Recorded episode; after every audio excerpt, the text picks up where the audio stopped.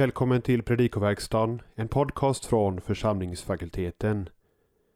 Som vill passa på att önska er lyssnare till Predikoverkstan en god och välsignad julhögtid när det nu lider mot jul.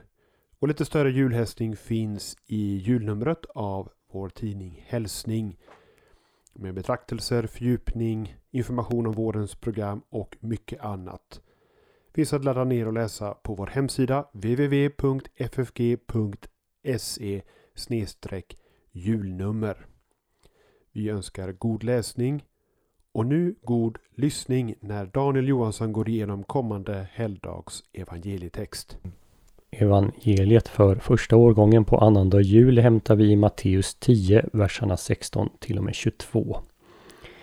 Texten innehåller inga större översättningssvårigheter men det finns en del frågor kring vad som åsyftas och i vilken mening ord används.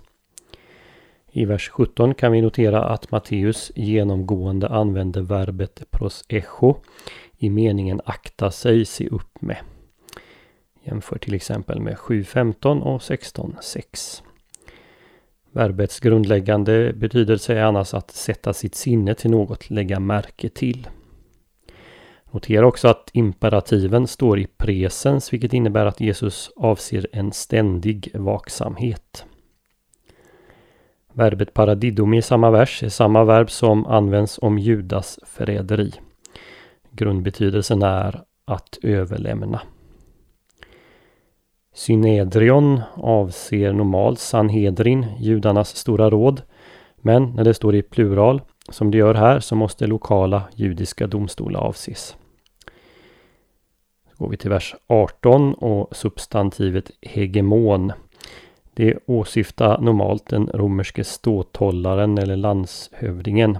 I evangelierna så används denna beteckning i huvudsak om Pontius Pilatus och i apostlagärningarna om hans efterträdare. Men i Messias profetian från Mika som citeras i Matteus 2.6 så används just detta samma substantiv om en judisk furste. Det är alltså inte nödvändigt att pluralisanvändningen här uteslutande avser romerska furstar och ståthållare. Även judiska kan avses. Samma sak gäller för nästa begrepp kungar. Det används frekvent om judiska kungar i Matteus 2.1, 11.8, 14.9, 17.25 bland annat. Anledningen till att jag nämner detta är att det får konsekvenser för helhetsförståelsen av vårt avsnitt. En del utläggare menar att vers 17 avser judisk förföljelse medan vers 18 åsyftar förföljelse bland hedningar. Andra utläggare menar att både vers 17 och 18 åsyftar förföljelse av lärjungarna från deras landsmän eh, i Israel. I vers 19 påminner jag om att negerade uppmaningar i andra person aldrig använder imperativ utan auristkonjunktiv. Därav med merimnesete, bekymra er inte. Anledningen till att nästa verb, la läsete, också står i konjunktiv är att verbet uttrycker en indirekt fråga som i sin direkta form är en deliberativ konjunktiv. Hur eller vad ska vi tala? När den sen återges i indirekt form så är konjunktiven kvar. Vers 20 anknyter till vers 19 och det påverkar också översättningen. Verbet este i vers 20, ni är, det står ju i presens. Men eftersom det ansluter direkt till verbet dothesetai i vers 19 som står i futurum, det ska ge, eh, det ska ges, förlåt, så måste este i vers 20 också ha futuristisk betydelse. För ni kommer inte vara det som talar, utan er faders ande kommer att vara den som talar genom er. Vers 20 är ett bra exempel på vad som ibland kallas en dialektisk negation. När Jesus säger att lärjungarna inte ska tala menar han därmed inte att de inte ska tala överhuvudtaget. Han säger ju i vers 19 att de ska tala. Men att vad de ska säga, det kommer att ges åt dem. Och det klargörs sedan i eh, nästa vers, i vers 20, att det är den helige Ande som ska tala genom dem, men de talar fortfarande. Till sist i vers 22. HD hypomeinas eis tellos hotos och thesetai. Exakt samma formulering ordagrant förekommer i kapitel 24, vers 13. Uttrycket eis tellos här, det kan ha två betydelser. Det kan för det första översättas med till slutet. Så översätter Bibel 2000 och Folkbibeln. Men i Septuaginta så är den här frasen ganska ofta adverbiell i betydelsen. Alltså slutligen eller till slut. Exempel på det finns i Första Mosebok 46.4 av Septuaginta och Femte Mosebok 31.24. Man skulle i så fall översätta något i stil med Men den som håller ut till slut, den ska bli frälst. I den förra betydelsen så förstås i regel parosin, Jesu återkomst. I den andra meningen avses att man håller ut antingen till förföljelsen slutar eller till slutet av sitt liv. Annandagens evangelium är hämtat från det andra stora talet, det andra av fem i Matteus evangeliet. Det här talet som finns och utgörs av hela kapitel 10 kallas för utsändningstalet. Jesus håller det innan han sänder ut de tolv, två och 2.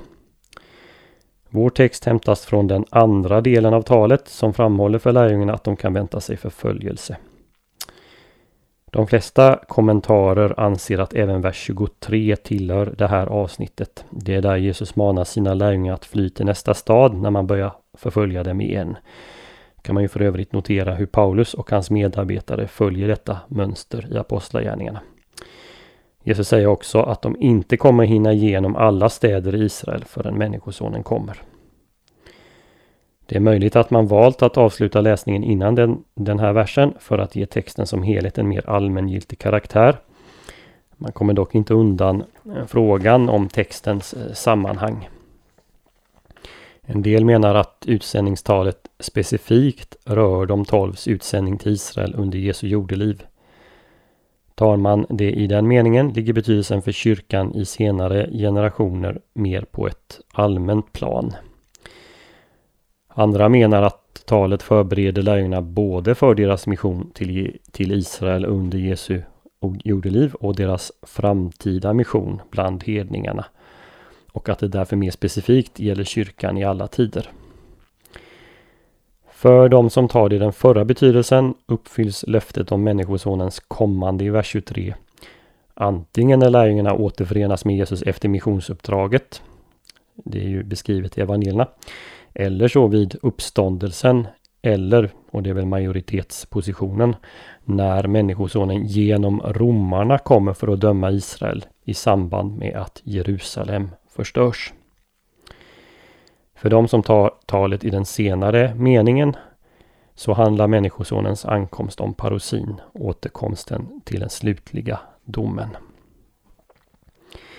Vi delar in läsningen i tre delar den första utgörs av vers 16. Där får vi ett mönster från djurlivet som Jesus uppmanar sina lärjungar att följa. Vers 17-20 handlar om förföljelse från myndigheternas sida och ett löfte som är förknippat därmed. Och verserna 21 och 22 om förföljelse från de närmaste och ett löfte förknippat med det. Och så några kommentarer till enskilda detaljer i texten. Jämförelsen med får och vargar är ju inte ny i Matteus evangeliet. Israel folk framställs som får utan herde i 9.36 och 10.6. Falska profeter har kallats vargar i fårakläder i 7.15.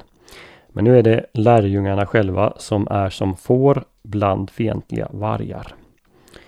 I den samtida judiska litteraturen används just den här liknelsen för att beskriva Israel bland hedna folken dyker upp i första Henoksbokens 89 kapitel och 55 vers och fjärde Esra 5.18.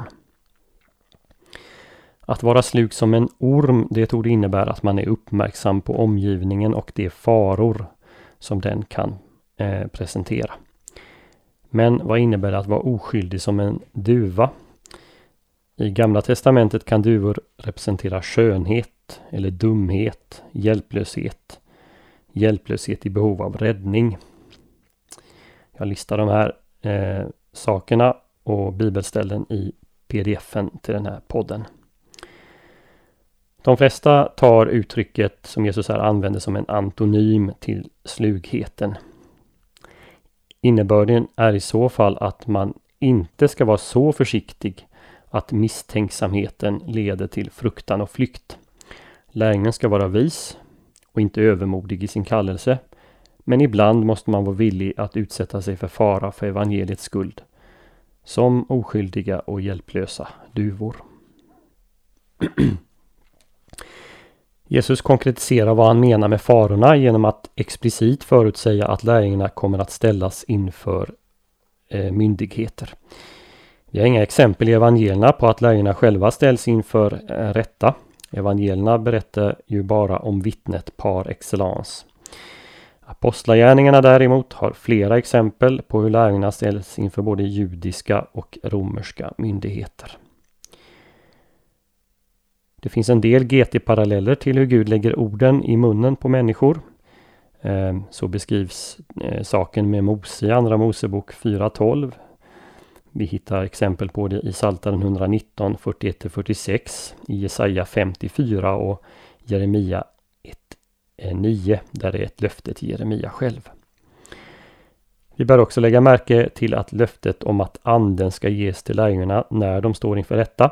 Det är det första och det enda konkreta exemplet i Matteus evangeliet på en uppfyllelse av det löfte om anden som är omnämnt i Matteus 3.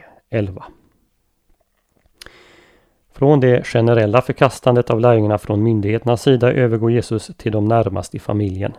Det är samtidigt en övergång eh, från förföljelse som innebär framträdande inför domstol och piskstraff till det ultimata uttrycket för förföljelse, nämligen döden. Det är kanske anmärkningsvärt men kanske inte så konstigt att det är de närmaste som utdömer det hårdaste straffet. Den som i vår tid lärt känna något om hur hederskulturer fungerar borde inte vara förvånad.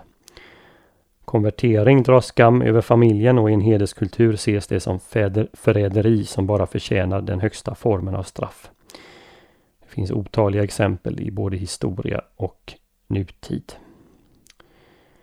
Att ansluta sig till Jesus, vare sig man var jude eller hedning, var i de flesta fall ett enormt steg och innebar på den tiden och alltjämt idag på flera håll i världen risken att få sina närmaste emot sig att förlora sina sociala kontakter och att bli ställd inför offentliga domstolar.